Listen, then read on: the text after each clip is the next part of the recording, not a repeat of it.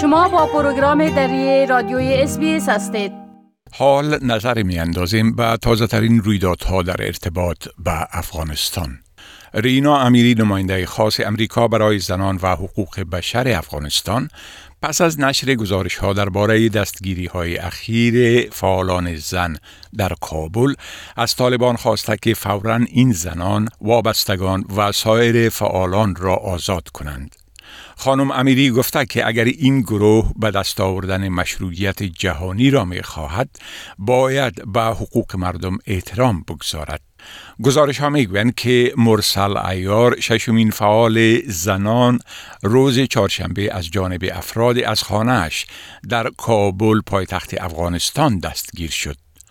بی بی سی در گزارشی گفته که اطلاعات درباره بازداشت فعال دیگری به نام زهرا محمدی به روز پنجشنبه در محل کارش در کلینیک در مرکز شهر کابل را هم به دست آورده است. قبل از این تمنا پریانی و پروانه ابراهیم خیل دو تن از فعالان زن که بر ضد عملکردهای طالبان در اعتراضات شرکت داشتند بازداشت و ناپدید گردیدند و تا کنون هیچ نشانه از محل بازداشت آنها در دست نیست. نماینده خاص امریکا در توییت این دستگیری ها را غیر عادلانه خوانده و گفته است که باید این عمل متوقف شود. در گزارش بی بی سی آمده که طالبان که همواره دستگیری این زنان را انکار می کردند به صورت مبهم گفتند که نمی توانند بازداشت آنها توسط نیروهای طالبان را تایید یا رد کنند. در این حال کمیته حفاظت از ژورنالیستان روز پنجشنبه انجام تحقیقات فوری را در مورد توقیف و بدرفتاری با ژورنالیست به نام عبدالقیوم زاهد سمدزی تقاضا کرده و از مقامات طالبان خواسته تا عاملان این عمل را پیدا کرده و مورد پرسش قرار دهند گفته می شود که سمت زی گفته است که روز سه شنبه اول فبروری یک مرد که خود را عضو ریاست عمومی استخبارات طالبان معرفی می کرد او را در ناحیه دوم شهر کابل دستگیر کرد. زی به حیث خبرنگار دسته رسانه های خبری یا نیوز میدیا گروپ مستقر در پاکستان کار می کند.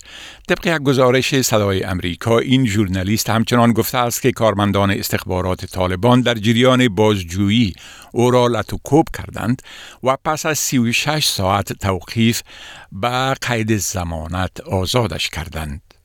پس از آزادی از توقیف یک کارمند استخبارات طالبان به سمت زی دستور داد تا فعالیت گزارشدهی خود را تا زمان دریافت اجازه از دفتر سخنگوی طالبان متوقف کند. حکومت پاکستان مدعی است که طالبان پاکستانی سلاح اصری باقی مانده از نیروهای ناتو در افغانستان را به دست آورده و از آنها در حملات در پاکستان استفاده می کنند. شیخ رشید احمد وزیر داخله پاکستان این مطلب را پس از برخوردهای خونین در بلوچستان بیان کرده است. طبق یک گزارش صدای امریکا آقای احمد ادعا کرده که دهشت افغانان از خاک افغانستان وارد پاکستان شده و پس از انجام حملات دوباره به این کشور پناه می‌برند.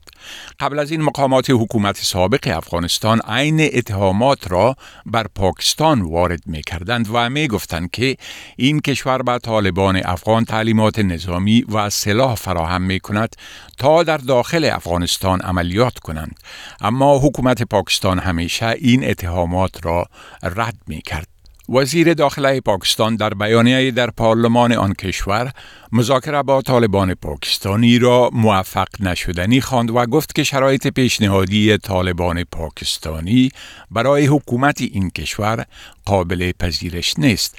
بنابراین چاره دیگر جز جنگ وجود ندارد.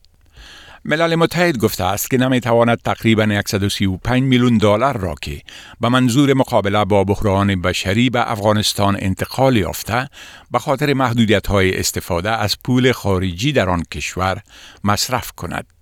صدای امریکا به نقل از خبرگزاری ریوترز گزارش داده که عبدالله الدرداری رئیس برنامه انکشافی ملل متحد در افغانستان گفته که بانک مرکزی افغانستان تا کنون نتوانسته این مقدار پول دلار را به افغانی تبدیل کند. آقای الدرداری افزوده است که ملل متحد در ماههای اخیر این مقدار پول دلار را به کابل انتقال داده و به بانک بین المللی افغانستان تحویل نموده است. او گفته که بانک مرکزی افغانستان تعهد کرده که این مقدار پول را به طور فوری به افغانی تبدیل کند اما تا کنون این کار را نکرده است. در گزارش آمده است که طالبان به تاریخ دوم نوامبر داد و ستد با اسعار خارجی را در افغانستان منع کرده و آن را مایه تاثیر منفی بر اقتصاد این کشور خواندند. بانک مرکزی افغانستان تا کنون در این مورد ابراز نظر نکرده است.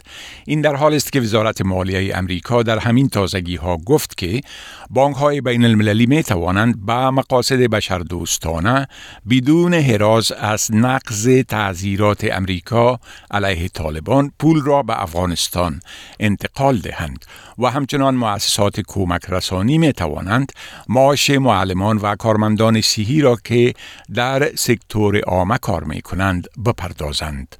در تحول دیگر آژانس خبررسانی ریوترز گزارش داده که مقامات نظامی امریکا گفتند که حمله بر میدان هوایی کابل در ماه آگست سال گذشته که در اثر آن 13 سرباز امریکایی و حداقل 170 افغان کشته شدند.